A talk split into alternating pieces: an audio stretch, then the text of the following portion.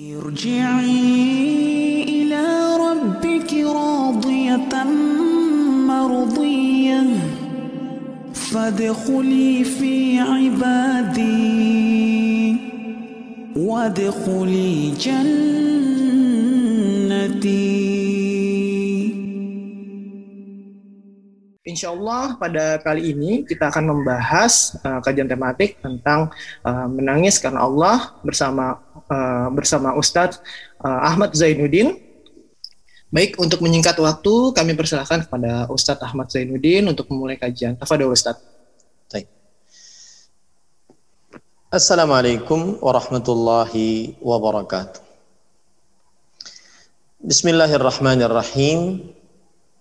الحمد لله رب العالمين وبه نستعين على امور الدنيا والدين والصلاه والسلام على اشرف الانبياء والمرسلين نبينا محمد وعلى اله واصحابه اجمعين اما بعد الحمد لله kita bersyukur pada Allah Subhanahu wa taala.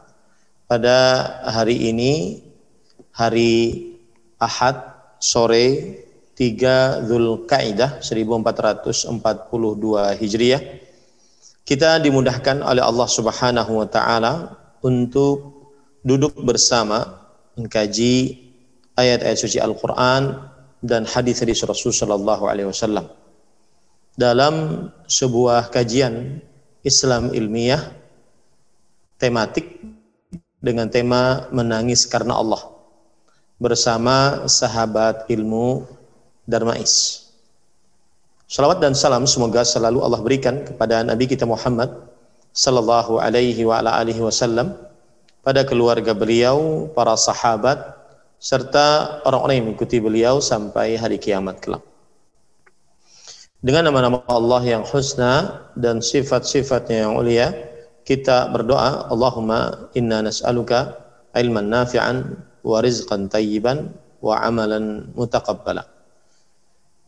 Wahai Allah, sesungguhnya kami mohon kepada Engkau ilmu yang bermanfaat, rezeki yang baik, dan amal yang diterima.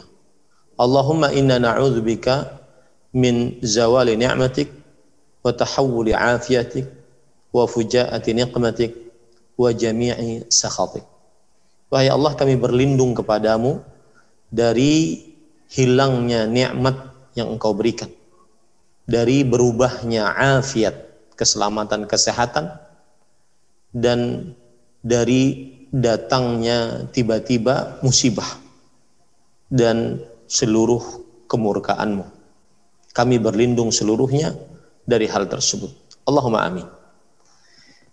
Bapak, Ibu, saudara-saudari, para profesor, para tenaga kesehatan, seluruh warga sahabat ilmu Darmais dan juga seluruh kaum muslimin di mana pun berada. Dan juga tidak lupa kepada moderator Pak Dr. Juki Hafizahullah Ta'ala. Semoga Allah Subhanahu Wa Ta'ala selalu menjaga kita.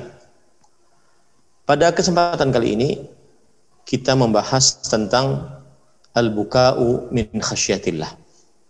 Menangis karena Allah Subhanahu wa taala. Dan ahibati hafizakumullah taala Poin pertama yang ingin kita bahas adalah tentang apa itu menangis. Tentunya menurut Al-Qur'an dan hadis Rasul sallallahu alaihi wasallam. Menangis adalah sebuah fitrah manusia. Fitrah artinya sifat asal atau sifat bawaan. Sebagaimana disebutkan oleh ahli tafsir ketika menafsiri surat An-Najm ayat 43. Allah Subhanahu wa taala berfirman, "Wa annahu huwa adhaka wa abka." Dan bahwasanya dialah Allah yang membuat seorang manusia tertawa dan seorang manusia menangis. Kata Imam Al-Qurtubi ahli tafsir di abad ke-7 Hijriah dalam kitab tafsir beliau Al-Jami' li Ahkamil Quran beliau mengatakan ay qadha asbab ad-dhahki wal buka Allah lah yang telah menetapkan sebab-sebab tertawa dan menangis. Kemudian Atta bin Abi Muslim mengatakan yang dimaksud dengan Allah membuat tertawa dan menangis yakni afraha wa ahzana. Allah yang telah membuat manusia gembira dan sedih. Karena al-farahu yajlibu dhah wal huznu yajlibu buka kegembiraan mendatangkan tersenyum dan tertawa. Sedang mendatangkan tawa dan senyum maksud saya. Dan kesedihan mendatangkan tangisan. Dan para ikhwan yang dirahmati oleh Allah Subhanahu wa taala hukum menangis secara asal hukumnya adalah kalau kita lihat dari sisi hukum fikih hukum menangis dalam hukum fikih Islam dia adalah mubah mubah artinya sesuatu yang tidak diperintah dan tidak dilarang. Kenapa demikian? Karena tadi dia adalah fitratun basyariyah, fitrah manusia. Seorang manusia tidak sanggup untuk menahan air matanya tertetes dan menangis. Kecuali satu. Ingat, kecuali satu. Menangis yang asal hukumnya mubah menjadi haram adalah apabila dengan menangisnya dia menggerutu, tidak puas atau murka dengan apa yang Allah Subhanahu wa taala telah takdirkan untuknya. Maka pada saat itu menangisnya berubah hukumnya dari mubah menjadi haram atau minimal makruh. Sebagaimana hadis riwayat Bukhari, Rasul sallallahu alaihi wasallam bersabda, "Inna Allah la yu'adzibu bidam'il 'ain wala bihuznil qalb, walakin yu'adzibu bihadza wa asyara ila lisanihi aw yarham." Sesungguhnya Allah tidak menyiksa karena air mata yang tertetes. Karena dia perkara mubah. Sebuah fitrah manusia sifat bawaan manusia yang diberikan oleh Allah Subhanahu wa taala kepada manusia. Dan Allah juga tidak menyiksa karena sedihnya hati. Jadi kalau seandainya ada kita mendapatkan musibah, entah itu kekurangan harta, kekurangan makanan, ataupun orang-orang yang dicintai diwafatkan oleh Allah Subhanahu wa taala. Maka kemudian air mata berlinang. Hati sedih. Ini tidak tercelah Ah, yang tercela adalah apabila lisannya berkata yang kotor. Sebagaimana Rasulullah SAW bersabda ketika beliau ditanya oleh Abdurrahman bin Auf sahabat beliau. Ketika itu beliau menggendong Ibrahim, anak beliau yang baru belasan bulan meninggal di pangkuan beliau. Kemudian beliau ditanya, "Mahadzal buka?" Waqad nahana 'anil buka. Kenapa dengan tangisan ini? Engkau telah melarang kami untuk menangis. Maka Rasulullah sallallahu alaihi wasallam menjawab, "Innal 'aina la wa innal qalba la yahzan wa la naqulu illa ma yarda rabbuna." Sesungguhnya air mata berlinang dan Sesungguhnya air mata berlinang dan hati sedih. Akan tetapi kita tidak mengucapkan kecuali yang diridhai oleh Allah Subhanahu wa taala. Nah, ini menunjukkan bahwasanya menangis hukumnya mubah. Dan sedih hukumnya boleh Menangis hukumnya mubah dan sedih hukumnya boleh. Tetapi yang terlarang adalah seseorang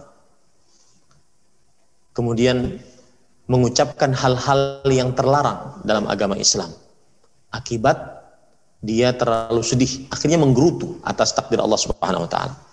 Nah, ini hukum menangis secara asal hukum.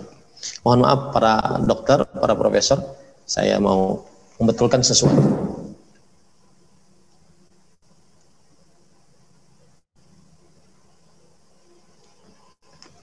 Ya, karena live-nya live sendiri, jadi kalau ada sesuatu harus pribadi.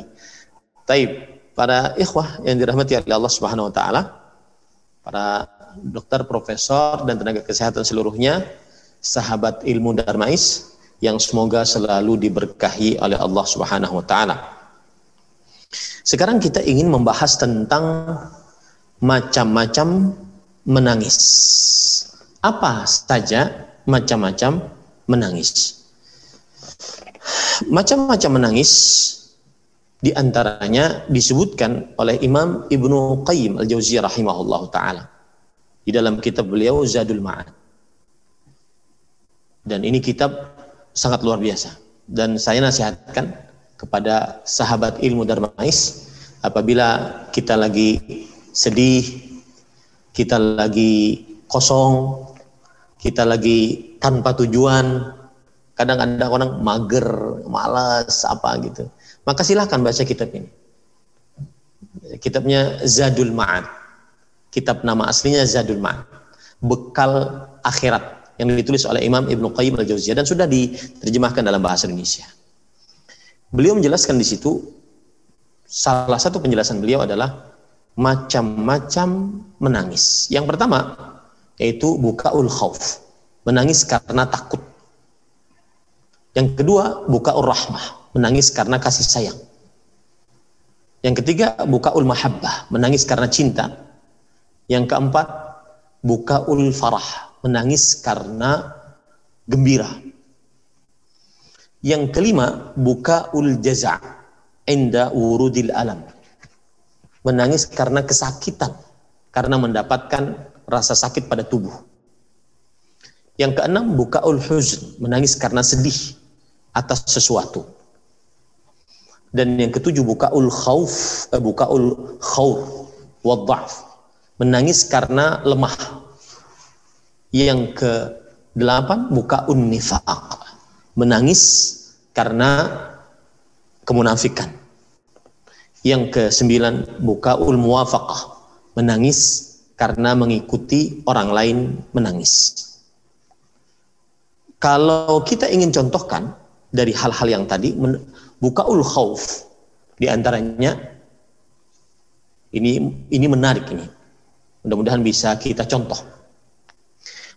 Menangis karena takut takut akan siksa Allah Subhanahu wa taala. Maka inilah yang kita bahas nantinya. Salah satu contohnya adalah ada seorang sahabat Nabi Abdullah bin Rawahah radhiyallahu anhu.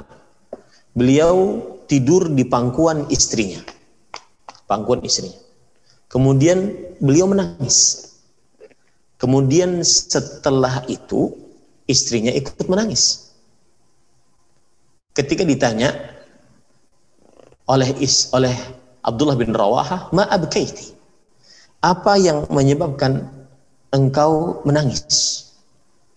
Kemudian istrinya menjawab, "Ra'aituka tabki fabakaitu." Aku melihat engkau wahai suamiku yang sedang tiduran di pangkuanku menangis maka aku pun ikut menangis. Semestinya suami istri seperti ini agar senantiasa selalu langgeng sakinah mawaddah dan rahmah. Saling tenggang rasa antara suami dan istri. Saya beri contoh nih. Kemarin saya dapat curhatan dari seorang perempuan. Saya habis marah besar Ustadz dengan suami. Oh kenapa Bu? Karena suami saya tidak bekerja, mungkin uh, dia kena PHK atau yang semisalnya dan saya bekerja Kemudian saya terlambat pulang setengah jam saja. Suami saya marah-marah. Padahal saya sedang capek-capeknya. Kemudian suami saya menghina-hina uh, keluarga saya. Akhirnya sang istri pun melunjak marah. Nah, semestinya antara suami istri harus tenggang rasa. Ya. Kita kembali ke permasalahan tadi. Maka sang istri mengatakan, aku melihat suamiku menangis, maka aku pun ikut menangis. Maka sang suami Abdullah bin Rawahah radhiyallahu anhu bercerita. Sebab aku menangis adalah Allah Subhanahu wa taala telah memberitahukan kepada kita dalam surat Maryam ayat 71. Wa in minkum illa wariduha kana ala rabbika hatman maqdiyah. Dan tidak ada seorang pun darimu melainkan mendatangi neraka itu. Allah telah memberitahukan kepada kita, kita semua pasti datang ke dalam neraka. Ini ayat adalah tentang sirat. Sirat itu adalah jalan yang dibentangkan di atas api neraka jahanam. Semua manusia akan lewat sesuai dengan amalnya. Ada yang jatuh, ada yang tercabik-cabik, ada yang terbakar, ada yang selamat sesuai dengan amalnya. Allah memberitahukan berdasarkan ayat ini, semua dari kita akan lewat jembatan tersebut, sirat tersebut. Kemudian, tetapi kata Abdullah bin Rawah, di ayat yang ke-72, Allah menegaskan summa nunajjil ladzina taqaw wa nadharu dhalimina fiha jithiya. Kemudian kami akan menyelamatkan orang-orang yang bertakwa dan kami membiarkan orang-orang yang zalim di dalam neraka dalam keadaan bertekuk lutut. Ini yang membuat beliau menangis. Kita pasti datang neraka, tetapi kita belum diberitahukan apakah kita termasuk yang selamat saat melewati sirat atau tidak. Nah ini namanya bukaul khauf, menangis karena takut kepada Allah Subhanahu wa taala. Adapun bukaur rahmah yaitu menangisnya seorang anak eh seorang ayah, ibu atas penyakit atau keburukan yang diderita oleh oleh anaknya. Kemudian menangisnya Nabi Muhammad Shallallahu Alaihi Wasallam agar umatnya selamat. Ini namanya tangisan kasih sayang. Kemudian buka ul mahabbah. Menangis karena saling mencintai karena Allah Subhanahu wa taala. Ini yang dimaksud di dalam hadis riwayat Imam Tirmidzi al-mutahabbuna fi jalali ala manabir min nur. Orang yang saling mencintai karena kecintaan kepadaku saling mencintai karena Allah Subhanahu wa taala, maka mereka di tempat yang tinggi di akhirat di dalam surga yang terbuat dari cahaya. Yaghbituhumun nabiyyuna wasyuhada. Para nabi dan orang-orang mati syahid mereka iri dengan kedudukan orang tersebut. Salah satunya adalah saling menangis, bertemu karena Allah dan berpisah menangis karena Allah Subhanahu wa taala. Kemudian buka farah, yaitu menangis karena saking gembiranya. Seperti seseorang uh, menangis karena diterima taubatnya oleh Allah Subhanahu wa taala. Diterima taubatnya oleh Allah Subhanahu wa taala seperti yang terjadi kepada sahabat Rasulullah sallallahu alaihi wasallam Tiga orang yang tidak ikut perang tabuk. Kemudian diboykot oleh Rasulullah SAW. 30 hari, ditambah 10 hari lagi. Tidak disalami, tidak ditoleh, tidak dibecai oleh oleh Rasulullah SAW. Karena perintah Allah Subhanahu Wa Taala. Lalu datang ayat yang memberitahukan taubat mereka diterima. Kemudian menangis mereka. Kemudian menangis karena rasa sakit. Ini sering kita rasakan. Sakit kepala, sakit gigi, sakit badan dan seterusnya. Menangis karena sedih.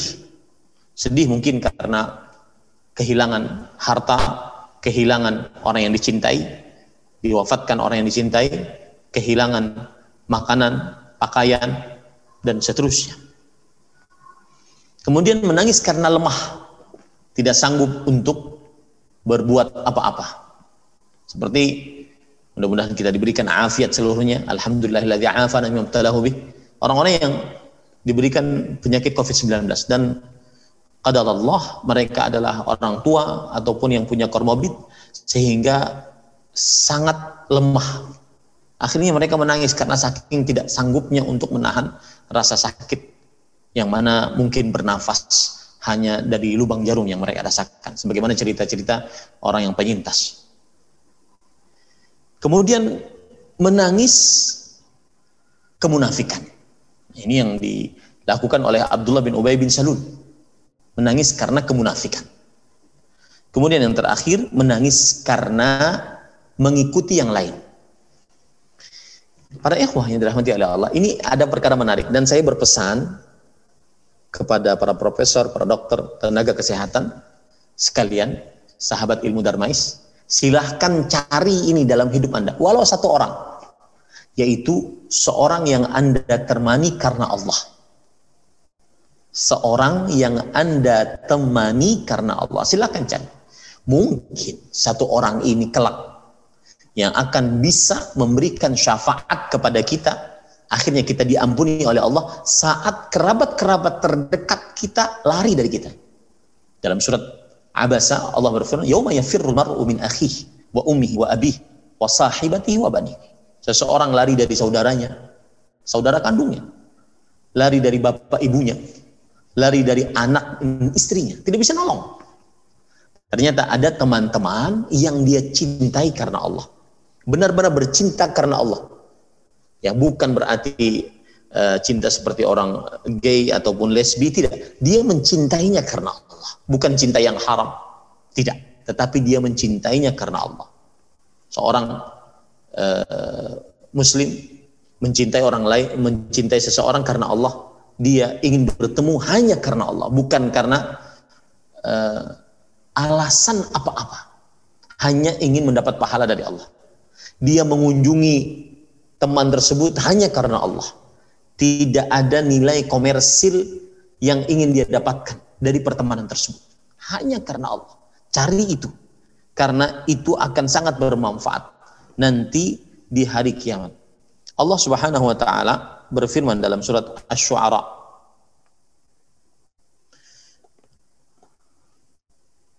dalam surat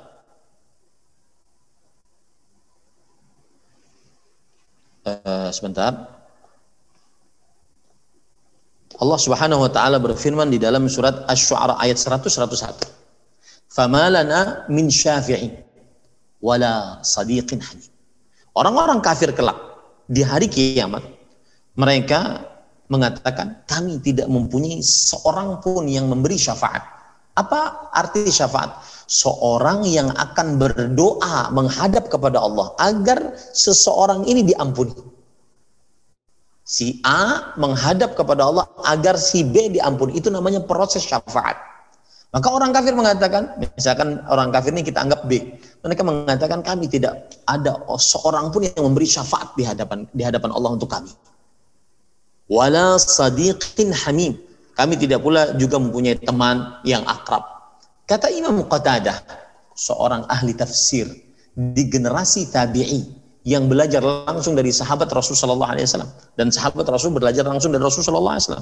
Beliau mengatakan, ya'lamuna wallah anna as-sadiqa idza kana salihan nafa' wa anna al-hamima idza kana salihan syafa'. Kata Imam Qatadah bin Da'am as-Salusi rahimahullah, orang-orang kafir, musyrik, banyak dosa tersebut mengetahui. Akhirnya mengetahui di akhirat bahwa teman kalau saleh dan ditemani karena Allah akan bermanfaat di akhirat. Teman dekat kalau dia saleh dan ditemani karena Allah tidak menginginkan apa-apa kecuali hanya karena Allah, maka dia akan memberikan syafaat nanti pada hari kiamat. Apa proses syafaat? Syafaat teman itu akan menghadap kepada Allah dan meminta agar temannya diampuni dosanya.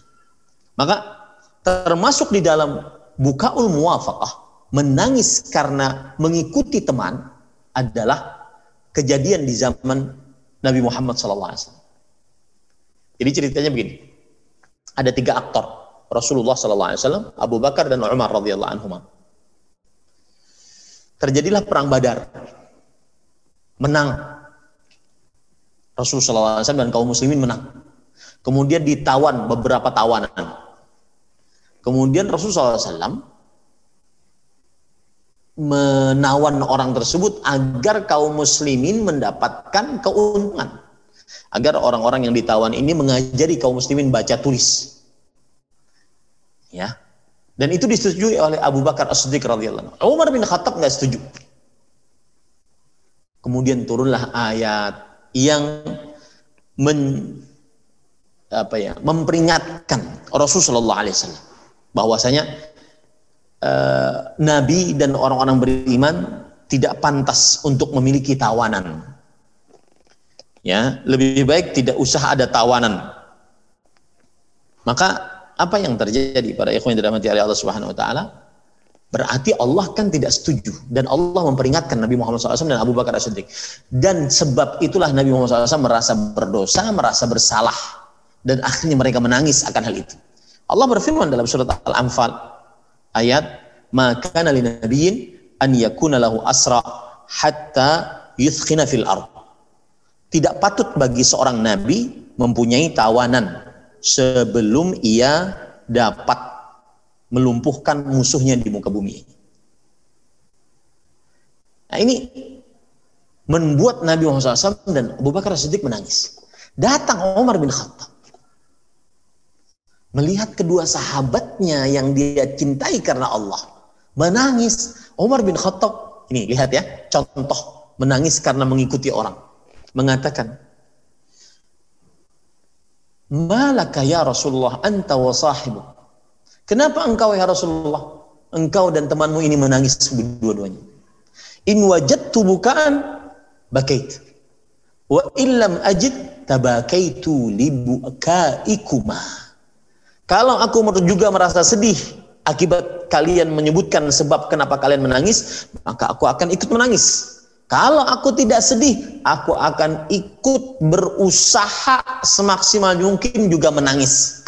Nah, ini namanya menangis mengikuti. Ya.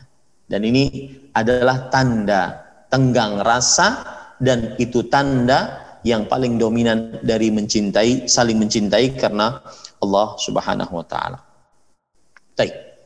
Sekarang kita sudah bahas tentang apa itu menangis, kemudian apa hukum menangis, kemudian apa macam-macam menangis dan contoh-contohnya. Yang keempat sekarang. Keutamaan menangis karena Allah. Sebelumnya kita ingin dudukkan dulu apa yang dimaksud menangis karena Allah. Menangis karena Allah bisa karena satu menangis karena takut siksa Allah. Dan ini yang paling terbanyak menangis karena takut siksa Allah. Jadi misalkan seorang dia sudah berusaha menjauhi maksiat, ternyata tetapi ternyata terprosok ke dalam maksiat. Terprosok ke dalam maksiat. Maka setelah dia bermaksiat dia takut. Saya saya beri contoh ya, zina. Seorang yang berzina, dia soleh, dia sholat. Bahkan berjamaah. Baca Quran. Tapi suatu saat dia tidak tahan dengan godaan perempuan. Na'udzubillah. Dan saya berpesan nih kepada para dokter, tenaga kesehatan, sahabat ilmu darmais, hati-hati para laki, ya. Jangan main-main dengan api cinta haram. Karena Anda wahai lelaki lemah di hadapan perempuan. Yang kuat hanya Nabi Yusuf alaihissalam dan para nabi-nabi yang lain. Adapun kita lemah. Meskipun hafal Quran, hafal hadis, ustadz, penceramah, pemuka agama. Kalau sudah di hadapan perempuan lemah, pasti lemah. Saya katakan pasti, tidak ada pengecualian. Absolutely lemah. Kenapa? Karena itu yang ditunjuki oleh Al-Quran. Rasulullah Shallallahu Alaihi Wasallam eh, Allah Subhanahu Wa Taala berfirman di dalam Al-Quran wa khuliqal insanu dha'ifa dan manusia diciptakan oleh Allah dalam keadaan lemah. Surat An-Nisa ayat 28. Sufyan bin Masruq al-Thawri, imamul muhaddithin di zamannya, zaman tabi'ut tabi'in. Beliau mengatakan lemahnya manusia adalah maksudnya seorang lelaki kemudian lewat di hadapannya perempuan tidak sanggup kecuali dia harus melihat perempuan tersebut. Itu kan yang terjadi pada diri kita. Jangan bohong. Jangan bohong. Apalagi zaman media sosial. Dengan mudahnya seorang hanya satu kali klik melihat hal-hal yang diharamkan bagi laki-laki. Dari mulai yang agak terbuka sampai yang paling kotor. Dan ini bahayanya media sosial. Di samping saking banyaknya manfaatnya media sosial. Maka begitu juga Rasulullah SAW bersabda, Ya ma'asyar syabab, man istata'a minkumul ba'a falyatazawwaj, fa innahu aghaddu lil basar. Wahai para pemuda, jika kalian sanggup untuk menafkahi lahir batin, maka menikahlah. Sesungguhnya menikah menundukkan pandangan, menjaga kemaluan. Dan Rasul SAW bersabda, "Ma taraktu ba'di fitnatan adharra 'ala rijal minan nisa." Aku tidak pernah tinggalkan godaan paling berbahaya bagi lelaki dibandingkan perempuan. Ini menunjukkan bahwa seluruh lelaki lemah di hadapan perempuan. Maka kembali ke permasalahan tadi bahwa seorang mungkin berzina lalu dia melihat sekujur tubuhnya, lalu dia takut, siksa Allah takut. Dia merasa diri paling kotor, menangis karena Allah Subhanahu wa taala. Nah, ini menangis yang disebabkan karena takut siksa Allah. Takut akan murka Allah. Takut akan musibah dari Allah akibat maksud yang dia lakukan. Ini namanya menangis karena takut kepada Allah Subhanahu wa taala. Baik. Sekarang apa keutamaan menangis karena Allah Subhanahu wa taala? Keutamaan yang pertama, mata yang pernah menangis karena takut kepada Allah tidak akan disentuh oleh api neraka sama sekali. Mata yang pernah menangis karena Allah karena takut kepada Allah maka tidak akan pernah disentuh oleh mata oleh neraka sama sekali. Hal ini berdasarkan hadis riwayat Imam Tirmidzi, Rasulullah sallallahu alaihi wasallam, "La yalijin nar rajulun baka min khasyatillah hatta ya'ud al-labanu fi dhara'." Tidak akan masuk ke dalam neraka seseorang yang menangis karena takut kepada Allah sampai sampai susu masuk ke dalam putingnya. Dan ini menunjukkan kepada kemustahilan. Seperti juga dalam bahasa Al-Qur'an uh, la tufattahu lahum abwabus sama hatta yadijal jamalu fi samil khiyat. Bagi orang-orang kafir, musyrik, maka pintu-pintu langit tidak akan dibukakan untuk mereka. Ketika mereka meninggal terpisah ruhnya dari jasadnya. Kemudian kalau orang beriman dibawa oleh para malaikat ruhnya sampai langit ketujuh. Kemudian dikembalikan ke alam barzakh. Di alam barzakh kepada jasadnya. Adapun orang kafir orang musyrik tidak akan dibukakan pintu langit sampai onta masuk ke dalam lubang jarum ini menunjukkan bahasa kemustahilan sampai susu masuk kembali ke dalam puting susunya. Ini juga menunjukkan kepada kemustahilan. Ini keutamaan yang sangat luar biasa. Orang-orang yang menangis karena takut kepada Allah Subhanahu wa taala. Kemudian dalil yang lain yang menunjukkan bahwasanya keutamaan dari menangis karena takut kepada Allah adalah terjaga dari siksa neraka surat At-Tur ayat 25 28. Wa aqbala ba'dhum 'ala ba'dhin yatasaalun. Mereka berhadapan satu dengan yang lainnya dan mereka saling bertanya. Qalu inna kunna qablu fi ahlina musyfiqin. Famanna Allahu 'alaina wa waqana 'adzabas. Mereka mengatakan, para penghuni surga mengatakan, kami dahulu sering menangis di tengah-tengah keluarga kami karena takut kepada Allah Subhanahu wa taala. Karena takut siksa Allah Subhanahu wa taala. Kemudian Allah memberikan nikmat kepada kami dengan menjaga kami dari siksa samum. Neraka namanya neraka samum. Samum artinya neraka api, tempat yang paling neraka tempat siksa yang paling banyak racunnya. Tempat siksa yang paling banyak racunnya. Dan saya ingin mengatakan kepada para sahabat ilmu darmais, para dokter, para profesor, tenaga kesehatan sekalian yang saya cintai karena Allah, maka ketahui baik-baik.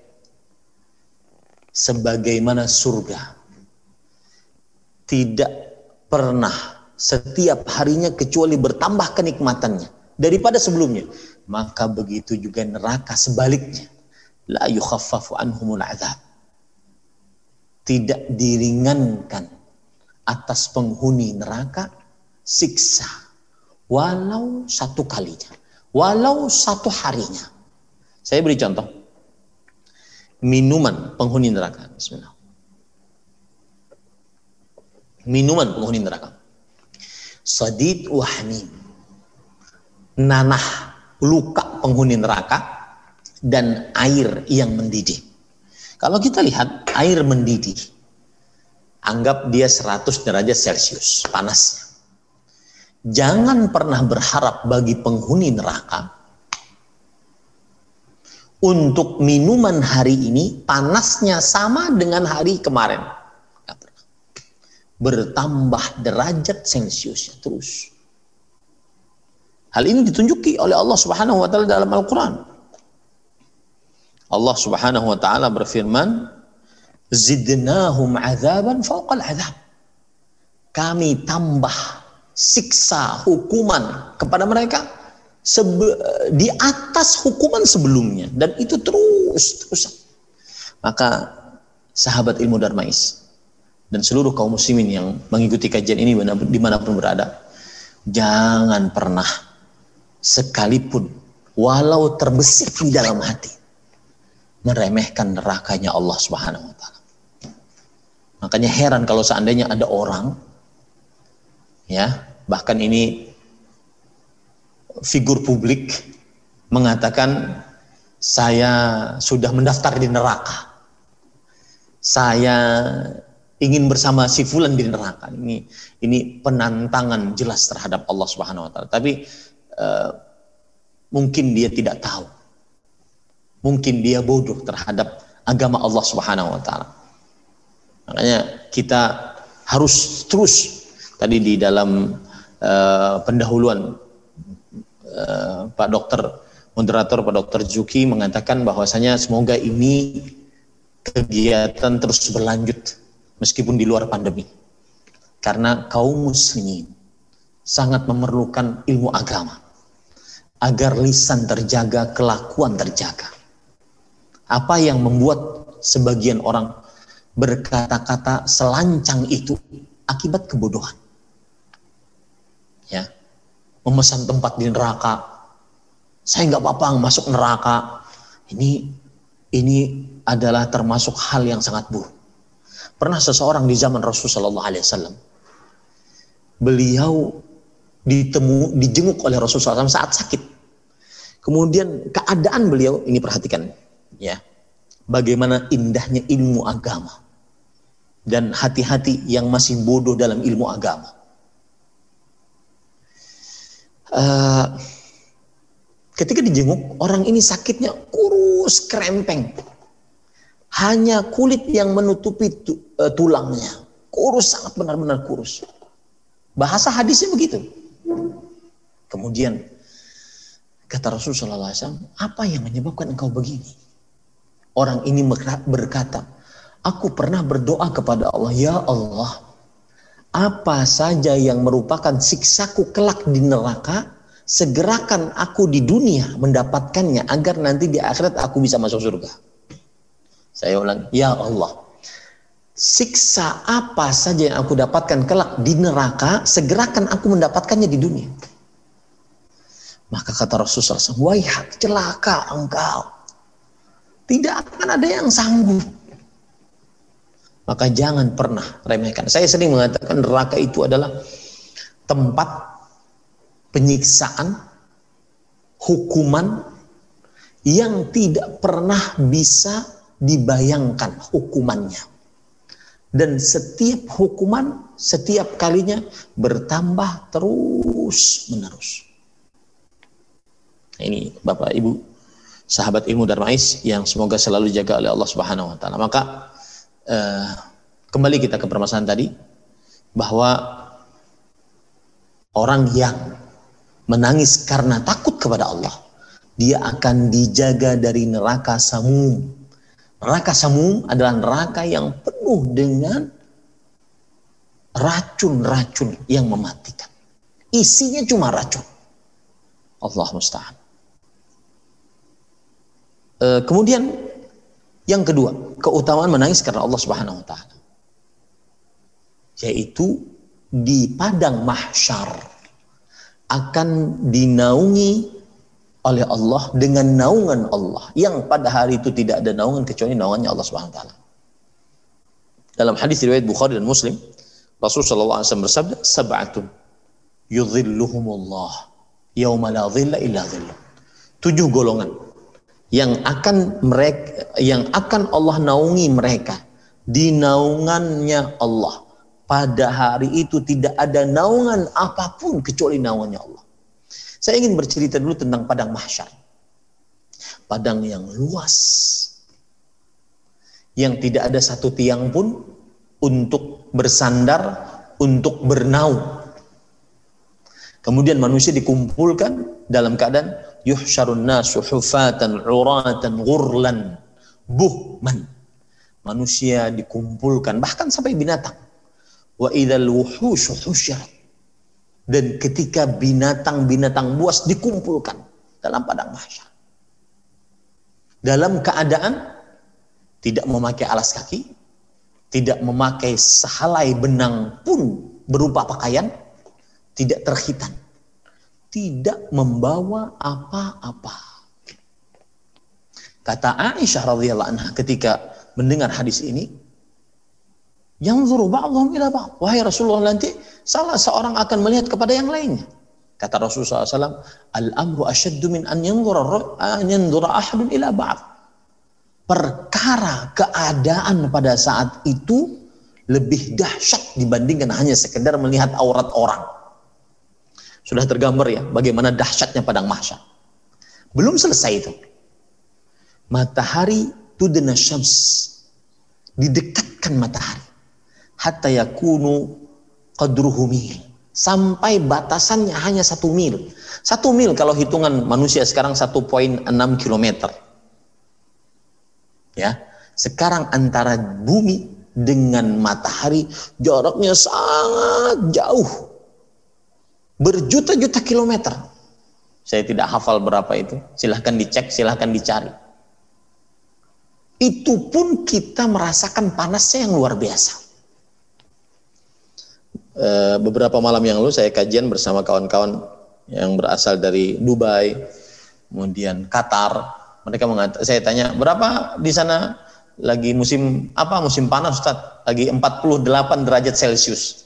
Dan kita yang pernah tinggal di Arab itu sudah biasa 48 Celcius bahkan ada yang 50 kalau sudah 50 derajat Celcius biasanya diliburkan karena banyak yang dehidrasi meninggal di eh, apa pingsan maka diliburkan biasanya. Lihat itu jarak antara bumi dengan matahari sangat jauh. Bagaimana didekatkan? Dalam keadaan kita tidak memakai apa-apa maka pada saat itu, ini saya menjelaskan ini agar kita lebih memaknai bahwa naungan itu istimewa. Karena sebagian orang ketika mendengar hadis ini menganggap ya biasa aja, naungan ya kayak naungan apa payungan-payungan gitu. Enggak. Jauh bedanya. Makanya dan hari itu tidak ada naungan kecuali naungannya Allah Subhanahu wa taala. Tujuh orang tersebut adalah yang pertama imam pemimpin yang adil, eh, pemuda yang tumbuh berkembang dalam beribadah kepada Allah, seorang yang hatinya terpaut dengan masjid, dua orang yang saling mencintai karena Allah, berpisah karena Allah, bertemu karena Allah, dan yang kelima seorang lelaki yang diajak uh, oleh perempuan yang cantik dan mempunyai kedudukan. Kemudian dia mengatakan, ini akhafullah, aku takut kepada Allah. Yang keenam, seorang yang bersedekah dengan tangan kanan, tangan kirinya tidak mengetahui. Yang ketujuh, ini inti pendalilannya. Yang ketujuh adalah rajulun zakarallaha khalian fafadat seorang yang berzikir kepada Allah. Kemudian dia berzikirnya sendirian dan kemudian berlinang kedua air matanya. Berlinang air matanya dari kedua matanya. Para sahabat ilmu darmais, hafizakumullah. Ini ibadah di zaman sekarang akan terasa sangat indah. Coba deh, coba handphone, tinggal di luar kamar, jujur sama istri saya ingin berzikir kepada Allah. Tidak ada komunikasi sama sekali dengan saya.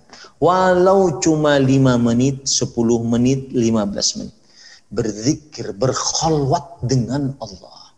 Di saat kesibukan, di saat uh, begitu cepatnya dunia berputar. Ya, kadang-kadang sibuk sana, sibuk sini, sibuk sana. Coba tenangkan hati, lepaskan semua alat komunikasi, berzikir sendirian, tidak ada yang melihat kecuali Allah dan kedua para malaikatnya. Tapi dengan syarat setelah itu jangan bikin status di media sosial.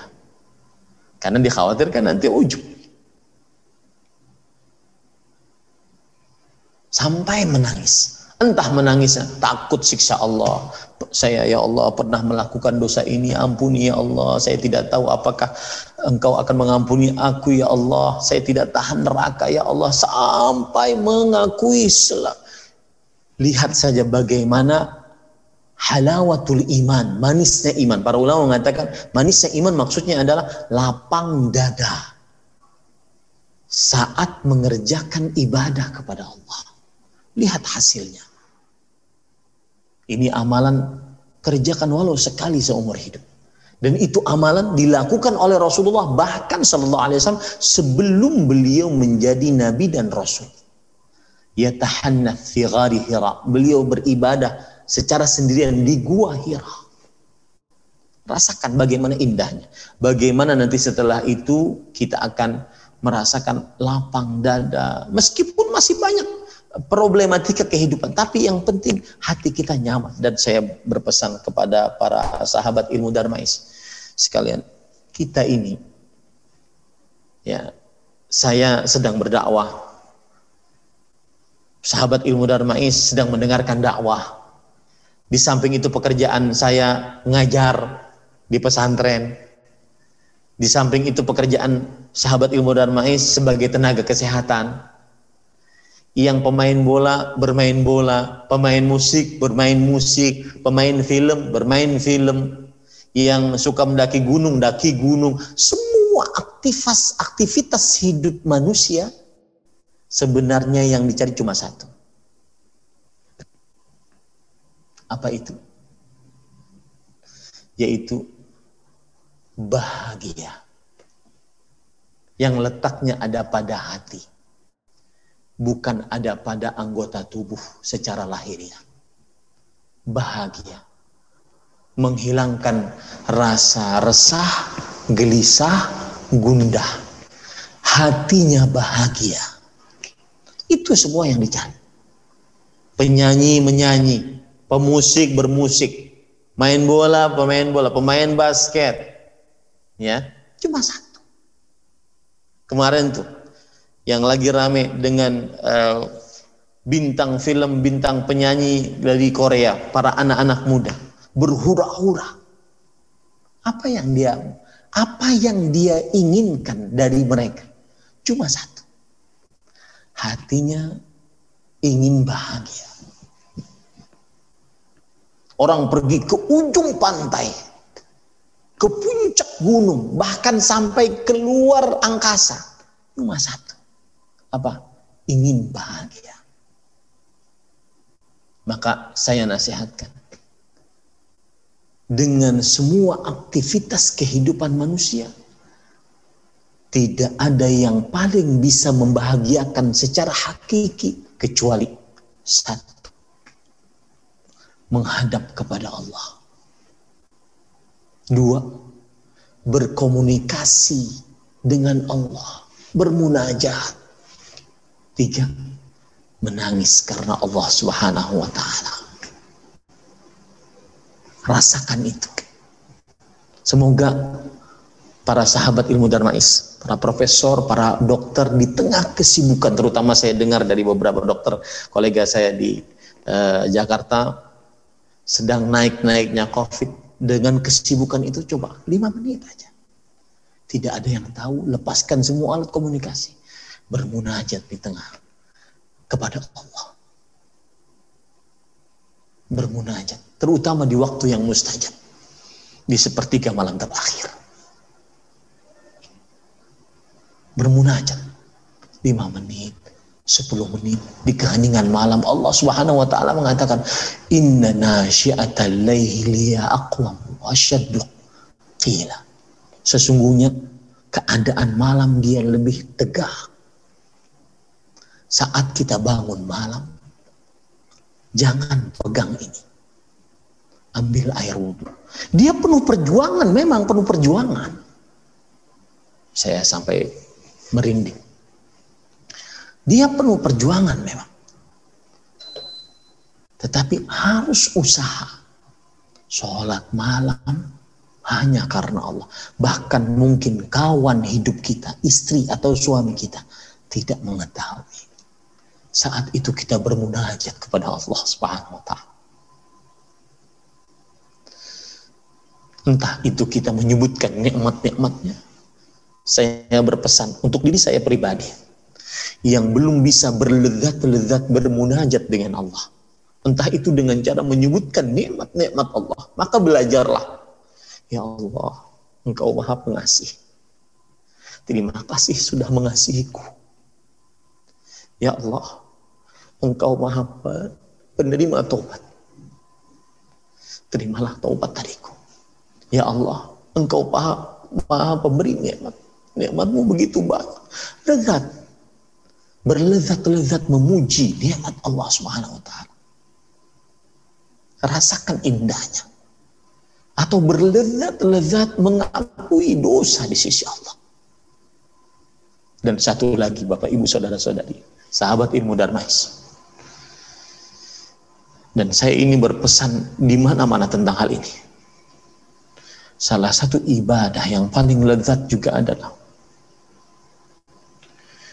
merasa rindu ingin bertemu dengan Allah.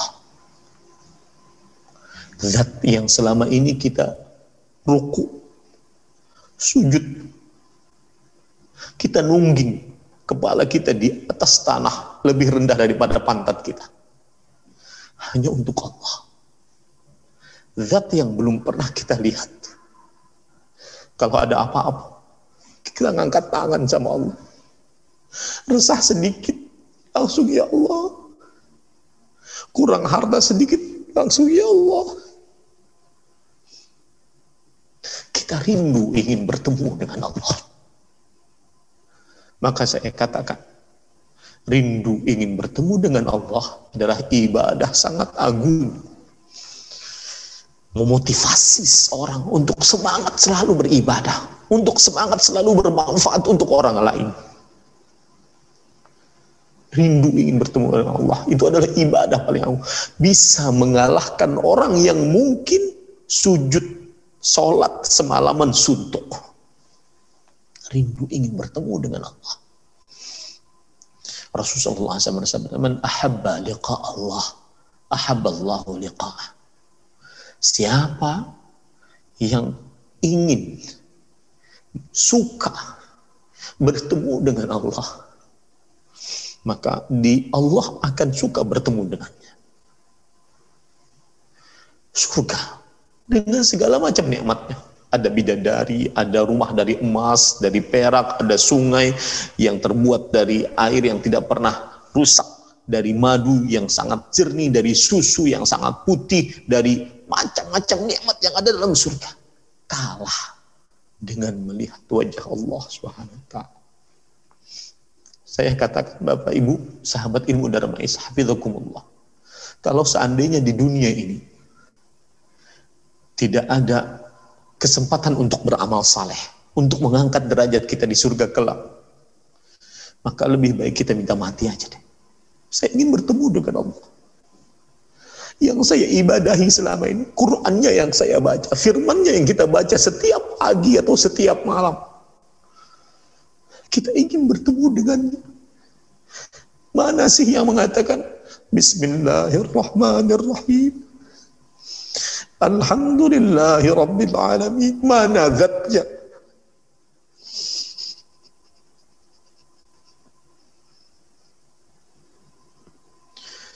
Kita ingin bertemu dengan Allah. Ar-Rahman, Ar-Rahman.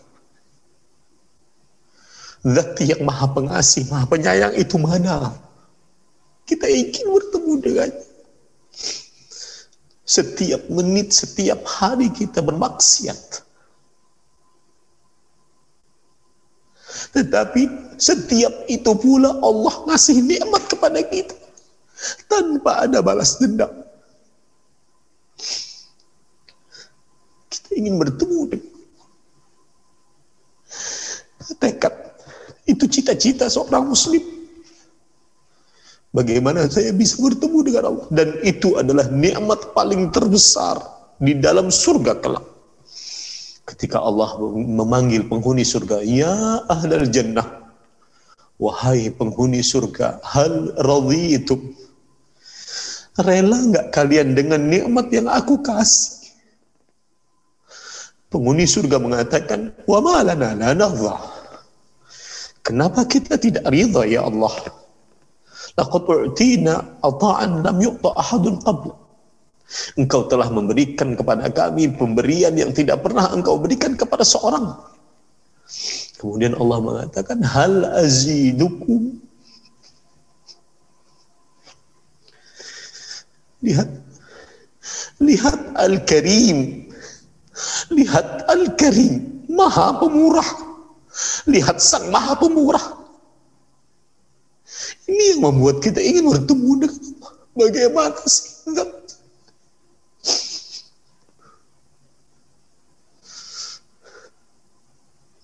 Apakah aku maukah kalian aku tambahkan nikmat?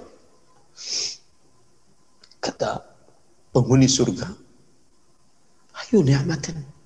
Nikmat apa yang lebih istimewa daripada ini? Kemudian Allah menyingkap hijabnya. Kemudian akhirnya penghuni surga melihat kepada Allah sembahan. Mudah-mudahan kita bisa melihat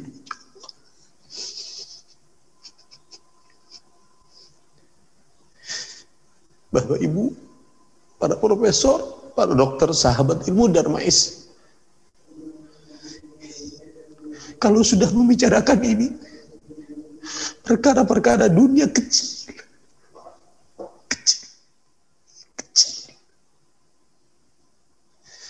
Makanya Allah mengatakan, Laqad raditu lakum fala askhatu ankum abad. Aku telah meridhai kalian. Aku tidak pernah akan murka kepada kalian selamanya. Ini yang Allah sebutkan. Wa ridwanun minallahi akbar. Ridha Allah, ridha dari Allah adalah nikmat terbesar. Yang lagi bermusuhan dengan orang tuanya, yang lagi bermusuhan dengan kakak adiknya, dan lagi bermusuhan dengan paman bibinya, yang lagi bermusuhan dengan orang lain, Ingat ridho Allah lebih besar. Permasalahanmu kecil. kecil. Ayo saling rangkul, saling maafkan. Saling damai. Permasalahanmu kecil.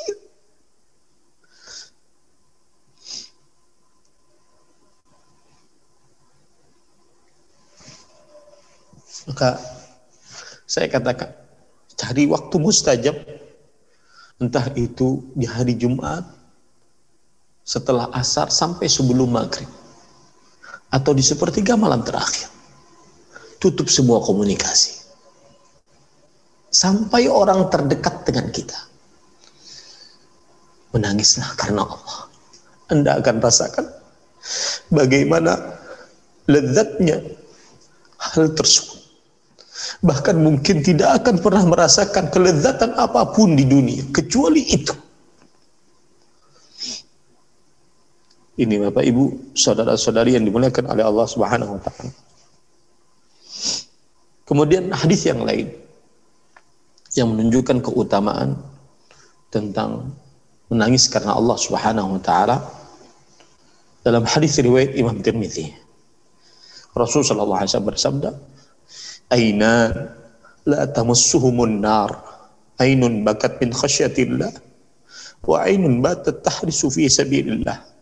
dua mata yang tidak pernah akan disentuh oleh api nerakanya Allah Subhanahu wa taala.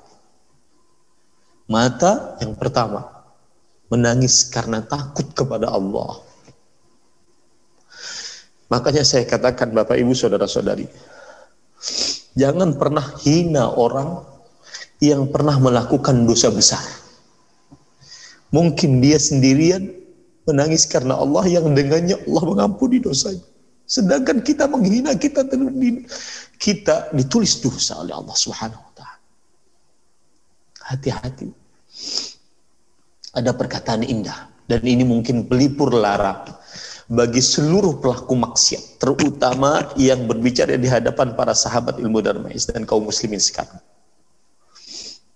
Perhatikan pelipur lara, indah sekali perkataan dari Imam Ibnu Qayyim. Beliau mengatakan, Innal kabir sesungguhnya dosa besar. Qad yulhiquha bi syiddatil khauf wa syiddatil haya wa ta'zim ma yulhiquha bis saghair ada orang yang kadang melakukan dosa besar minum khamar berjudi berzina mencuri membunuh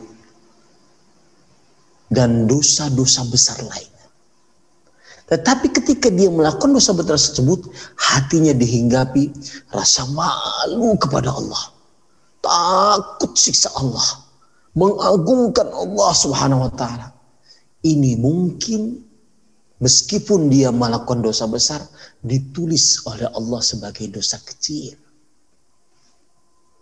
Kemudian beliau mengatakan, wahada marju'uhu ila ma yaqumu bihil qalbu. Ini semua kembali kepada apa yang tegak di dalam hati. Dosa besar, tetapi ditulis sebagai dosa kecil. Akibat hatinya takut kepada Allah.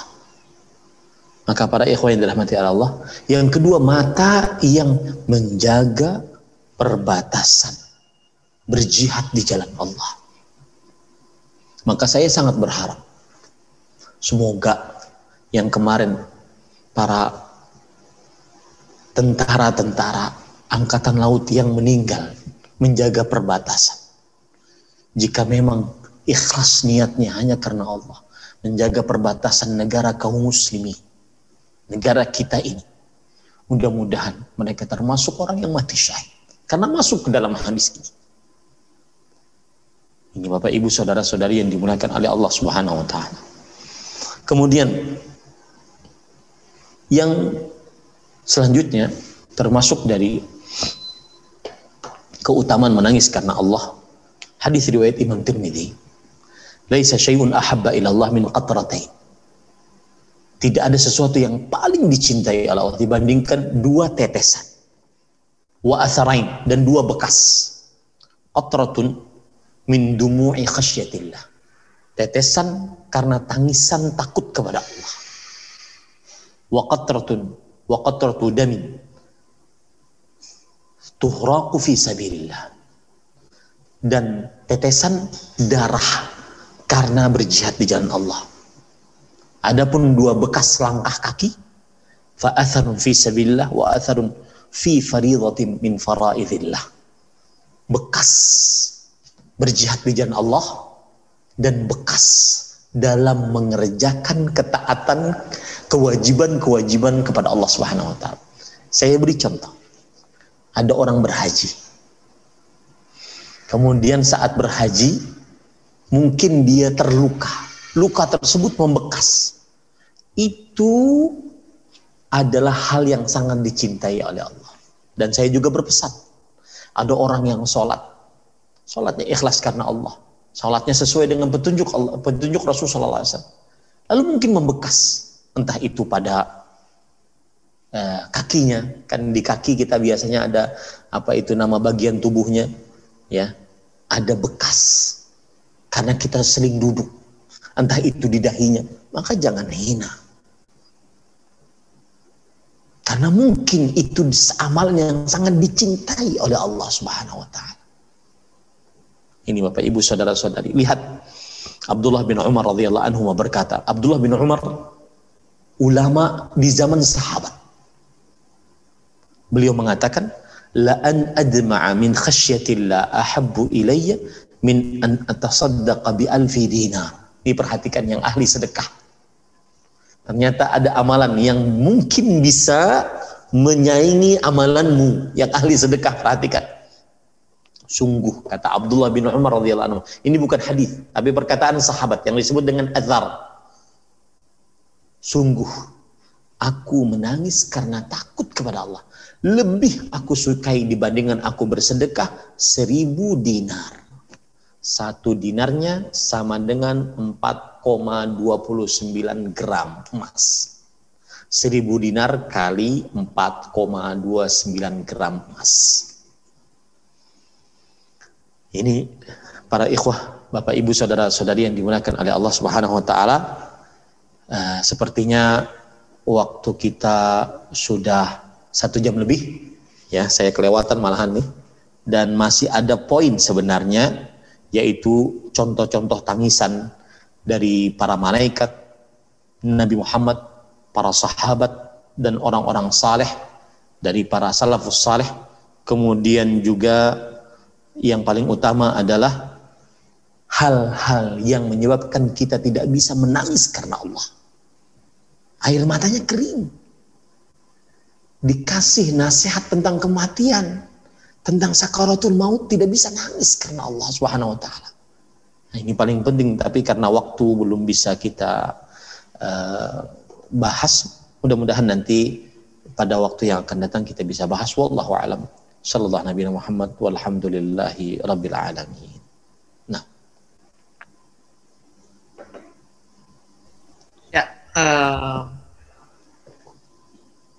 Jazakumullah khairan kasir kepada Ustadz atas pemaparan uh, materi yang insya Allah sangat bermanfaat.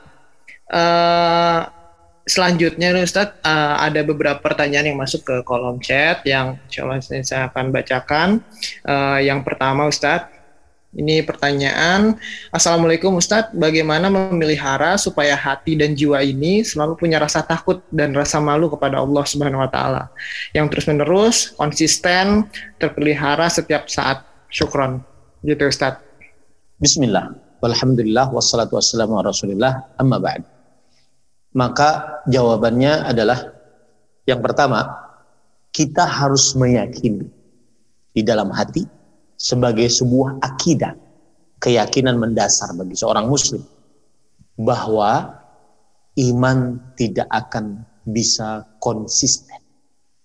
Dia naik turun. Perkataan saya ini bukan malah melemahkan yang ingin imannya konsisten, tapi ini sebuah kenyataan dan sebuah uh, keyakinan yang harus kita yakini. Karena itu uh, para ulama ahlu sunnah mengatakan iman itu pengertiannya lima kalimat yang seluruhnya berakhiran dengan huruf nun. Yang pertama, qaulun bil lisan, ucapan dengan lisan, nun lisan, wa amalun bil arkan dan bergerak mengamalkan sesuatu dengan arkan nun yang kedua dengan anggota tubuh maksudnya yang ketiga i'tiqadun bil janan keyakinan dengan hati janan nun yang ketiga wa yazidu bi ta'atir rahman. Iman tersebut bertambah dengan ketaatan kepada Allah Ar-Rahman. Lihat, bertambah iman. Dengan ketaatan kepada Allah Ar-Rahman. Nun yang keempat. Nun yang kelima, wa yang bil isyan. Dan berkurang dengan isyan. Nun yang kelima. Yaitu kemaksiatan. Sedangkan kita ini makhluk Allah yang Rasulullah SAW sudah mengabarkan kullu bani Adam khata.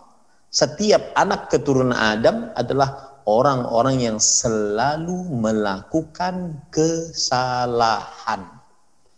Dengan dia sadari bahwa itu salah. Nih, hati-hati ya. Jadi dan Rasulullah SAW juga bersabda, "Inna likulli amalin syirratan walikulli syirratin fatratun faman kanat fatratuhu ila sunnati faqad ihtada wa man kana ghaira dzalika faqad faqad uh, halak Sesungguhnya setiap masa beramal ada masa semangat, imannya naik terus. Ya, hatinya khusyuk, sedikit menangis kepada Allah. Baca Quran sedikit nangis, ada masa semangat, terutama awal-awal hijrah. Dalam tanda kutip kata hijrah yang sering dipakai oleh anak muda atau kata ingin meniti jalan istiqamah awal-awal ingin meniti jalan istiqamah. Semangat. Nanti lama kelamaan menurun, menurun. Itu hadis Rasul. Siapa yang masa menurunnya, masa melemahnya, kembali kepada sunnahku, dia akan selamat. Dapat petunjuk. Dia berusaha. Saat masa lemah, dia malah tambah kepada sunnah Rasulullah. Dia akan mendapatkan petunjuk. Tapi jika dia biarkan, dia biarkan, dia akan binasa. Jadi satu, keyakinan pasti ada masa turun iman. Yang menjadi masalah adalah bagaimana kita menghadapi masa tersebut. Yang kedua adalah sebagai jawaban atas pertanyaan tadi, bagaimana kita kiat agar senantiasa imannya tidak terlalu fluktuatif, sangat naik turun sekali. Tetapi kalaupun turun tidak terlalu jauh gitu. Ya, cepat-cepat bertaubat. Maka jawabannya satu. Yang pertama, harus memahami bagaimana cara muraqabah. Selalu merasa diawasi oleh Allah. Apa itu? Tiga amalkan. Yang pertama, alam ya'lam bi annallaha yara. Apakah ia tidak mengetahui Allah melihatnya? Saat buka handphone, explore di Instagram hal-hal yang diharamkan, nonton di YouTube premium hal-hal yang diharamkan, nonton di Facebook di dan macam-macam lainnya lagi dari media sosial. Hal-hal yang diharamkan.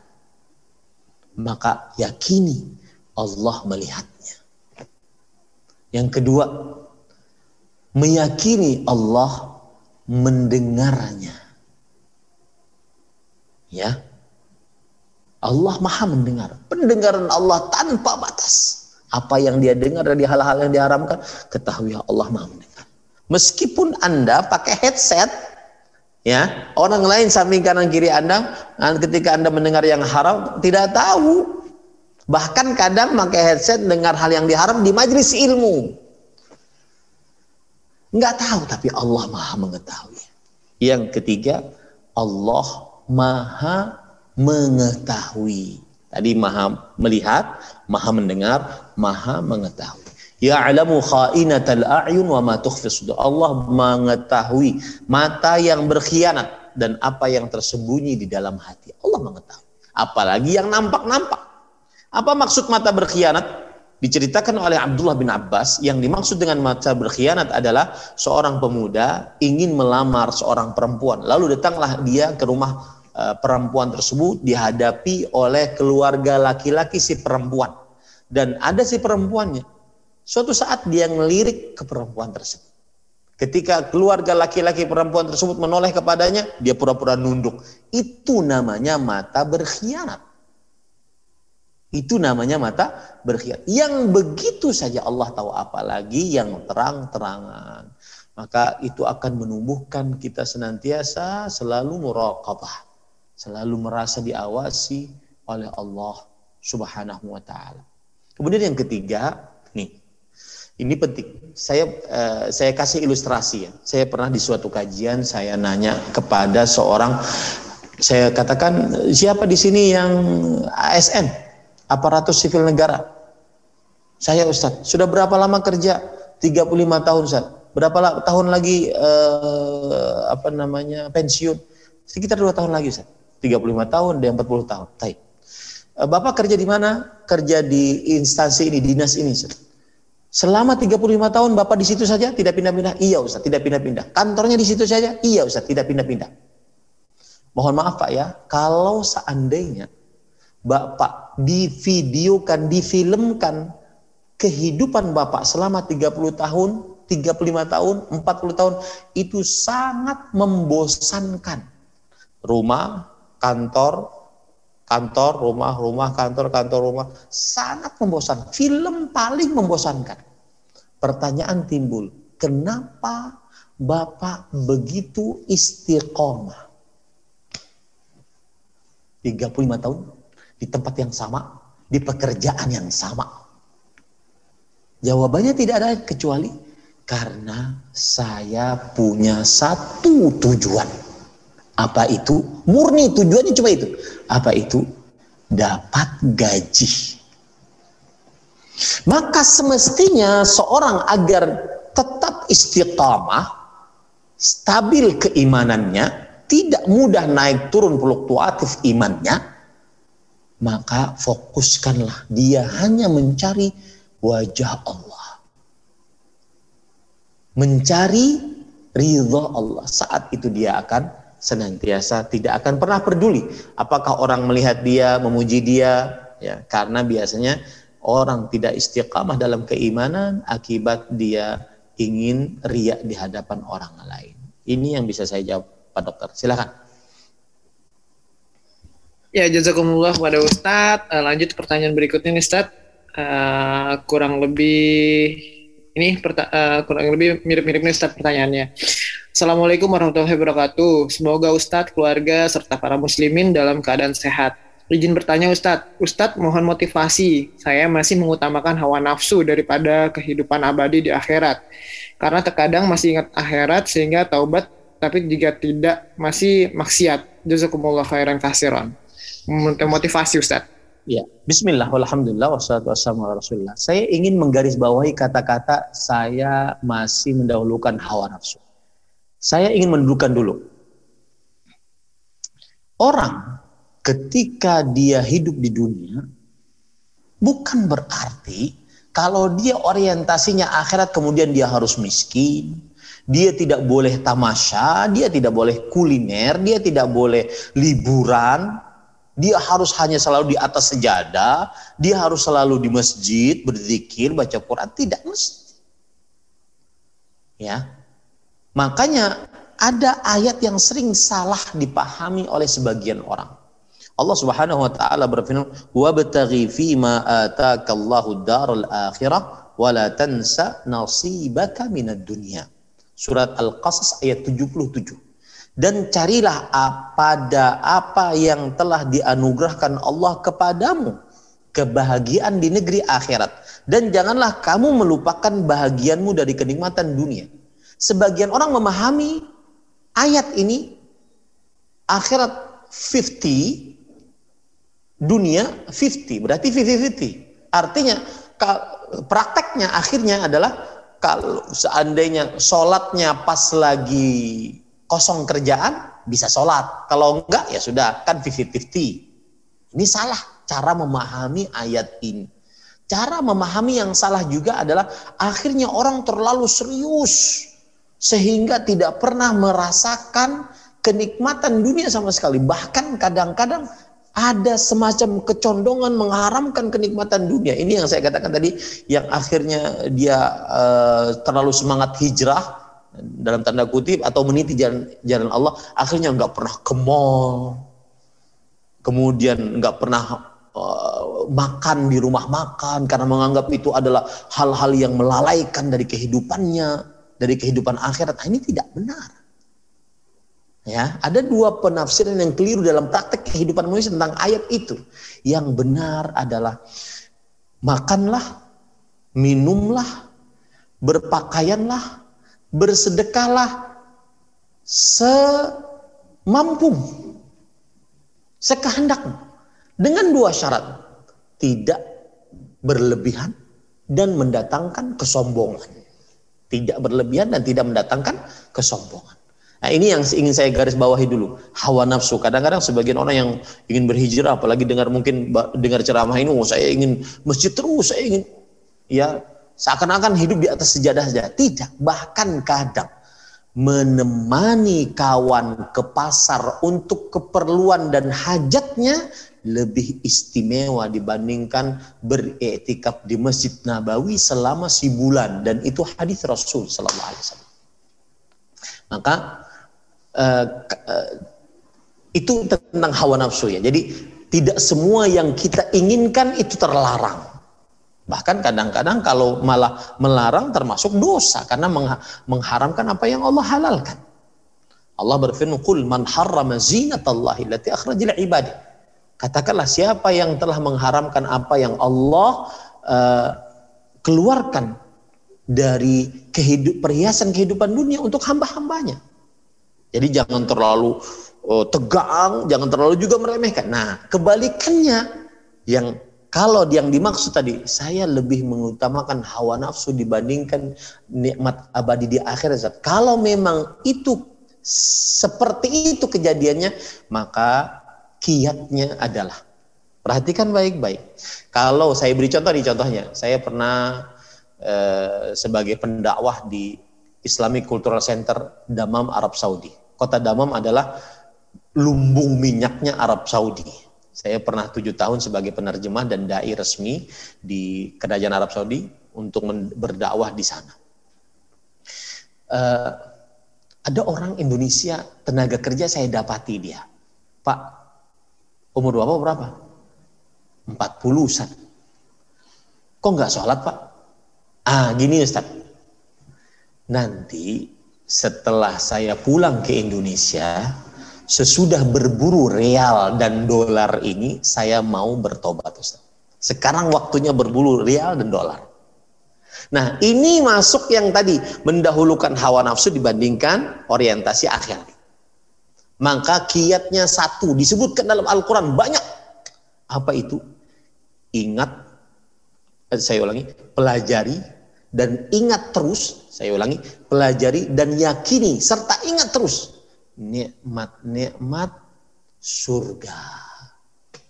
Pelajari, yakini dan terus iang-iangkan di dalam e, benak kita nikmat surga. Saya beri contoh ya. Dalam surat Ali Imran Allah Subhanahu wa taala berfirman dalam Al-Qur'an zuyyina lin-nas hubbus syahawat minan nisa wal banin wal qanatir muqantarati. Silahkan lihat surat Ali Imran ayat 14. Diindahkan pada pandangan manusia. Kecintaan kepada wanita, anak, harta yang banyak dari jenis emas dan perak, kuda pilihan, binatang-binatang ternak, sawah ladang, semua yang disukai oleh manusia. Itulah kesenangan hidup di dunia. Setelah itu apa kata Allah? Wallahu indahu husnul ma'ab. Dan Allah di sisinya lah. Hanya di sisi Allah. Surga. Tempat kembali yang paling indah. Ada semacam isyarat, hei kamu manusia kalau sedang tertipu dengan dunia, sedang mendewakan dunia dengan cara melanggar keharaman, me, me, melalaikan kewajiban karena mengejar dunia, maka ingat tuh surga di akhirat lebih baik daripada yang kamu kejar sekarang. Saya beri contoh hadis. Itu tadi ayat ya, hadis. Rasul Nabi Musa alaihi salam pernah bertanya kepada Ya Allah, ma adna ahlil jannati manzil. Wahai Allah. Ini hadis riwayat Bukhari, Muslim.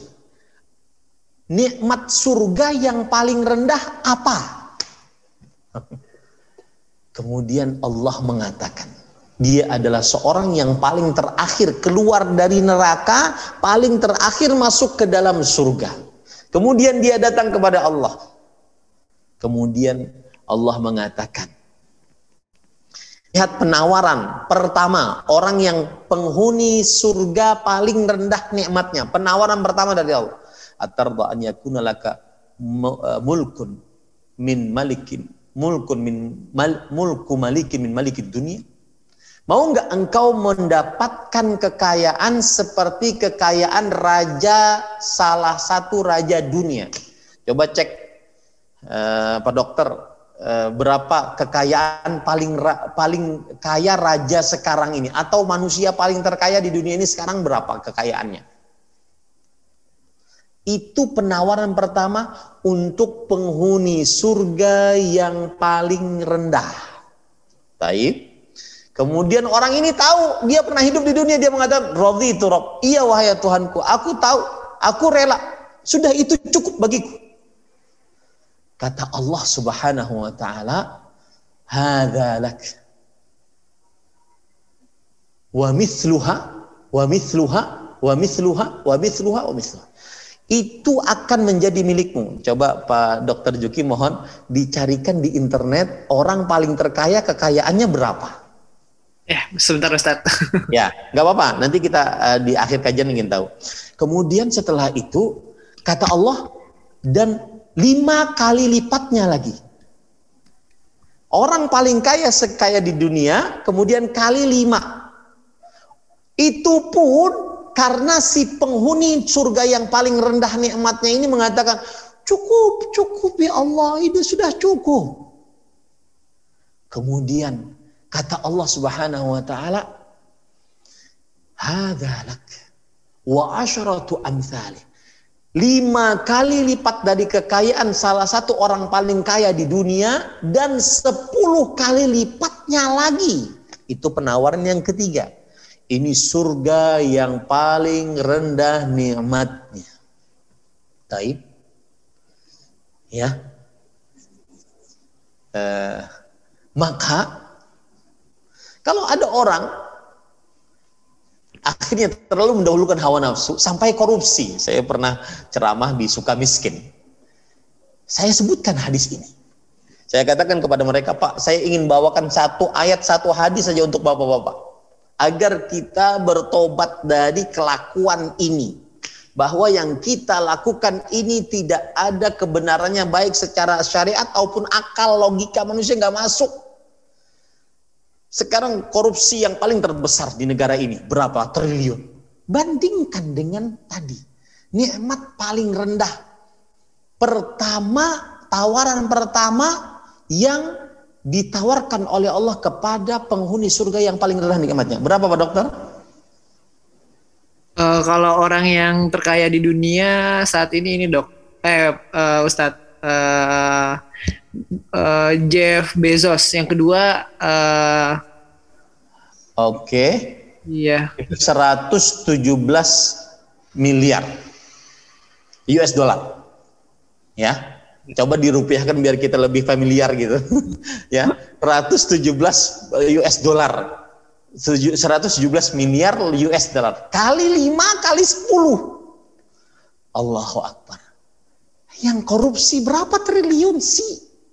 Dikejar-kejar Interpol, dicari-cari orang, hidup nggak nyaman, nggak bisa bergaul dengan anak, istri. Maka Bapak Ibu saudara-saudari yang dimuliakan oleh Allah, ingat nikmat surga. Saya sering mengatakan tentang surga, dia adalah tempat penuh dengan kenikmatan yang tidak bisa dibayangkan dan setiap nikmatnya selalu bertambah indahnya dan lezatnya. Rasulullah SAW bersabda, Al Jannah la khataralah. Surga itu tidak bisa dibayangkan, indah. Nah, ini kiat agar kita lebih uh, mendahulukan orientasi akhirat dibandingkan kenikmatan dunia. Di sini 15 menit lagi maghrib Pak Dokter karena waktu Indonesia Tengah kita keasikan ini. Iya Ustaz. Ya, iya. Ya masih ada satu lagi atau bagaimana? Boleh satu lagi ya. ya pertanyaan terakhir ya Ustadz ya. Uh, ini pertanyaannya izin bertanya Pak Ustadz. Dalam bergaul kita banyak mempunyai kawan. Bagaimana kita mengetahui atau adakah ciri khusus dari salah satu kawan yang akan memberikan syafaat untuk kita di akhir nanti? Jazakallah khair Ustaz. Bismillah, walhamdulillah, wassalatu wassalamu rasulillah. Salah satu ciri khususnya adalah yang disebutkan dalam oleh Allah dalam surat Al-Asr. Wal asri innal insana fi khusr illa alladhina amanu wa amilu salihat wa tawasaw bil haq wa tawasaw bisr demi masa sesungguhnya seluruh jenis manusia dalam keadaan merugi kecuali yang beriman maksudnya berilmu dan beramal soleh setelah berilmu lalu saling nasihat menasehati dengan kebaikan ini ciri teman yang baik dia tidak selalu membenarkan apa yang kita ucapkan dan perbuatan. Oh bagus, oh bagus. Meskipun kita sudah mau masuk jurang, bagus-bagus aja dia. Enggak. Ya. Nah ini para ikhwah. Dan yang kedua, watawasau sabar dan saling nasihat menasihati dengan kesabaran. Sabar dalam menuntut ilmu, sabar dalam menjalankan ilmu tersebut. Nah, itulah teman yang mudah-mudahan kita memilikinya dan saya katakan cari itu, cari. Ya, dan biasanya begini Pak Bapak Ibu, sahabat ilmu para Darmais dan para profesor, para dokter yang sekalian yang saya cintai karena Allah. Biasanya begini, Allah itu ketika ingin berkehendak bahwa si fulan mencintai si fulan, ini susah untuk bertengkar susah, untuk berkelahi, bermusuhan susah. Dia bagaimanapun sikapnya kepada saya, saya tetap akan memaafkan. Nah, ini namanya mencintai karena Allah. Saya akan tetap menemani dia, kemudian menasehati dia dalam kebaikan meskipun dia menganggap saya buruk. Ini namanya mencintai karena Allah Subhanahu. Mudah-mudahan kita memiliki akan hal tersebut. Sangat disayangkan waktu di sini tinggal 10 menit ya waktu Indonesia Tengah. Mudah-mudahan kita bisa uh, bertemu kembali dalam kesempatan yang lain dan semoga sahabat ilmu Darmai selalu menegakkan penuntutan ilmu yang benar berdasarkan Al-Quran dan hadis Rasul Shallallahu Alaihi Wasallam yang dipahami oleh para salafus saleh dan semoga kita senantiasa diberikan petunjuk kemudahan dalam beramal ibadah. Wallahu alam sallallahu nabi Muhammad walhamdulillahi rabbil alamin. Irji'i ila rabbiki radiyatan marudiyah fadkhuli fi ibadi وادخلي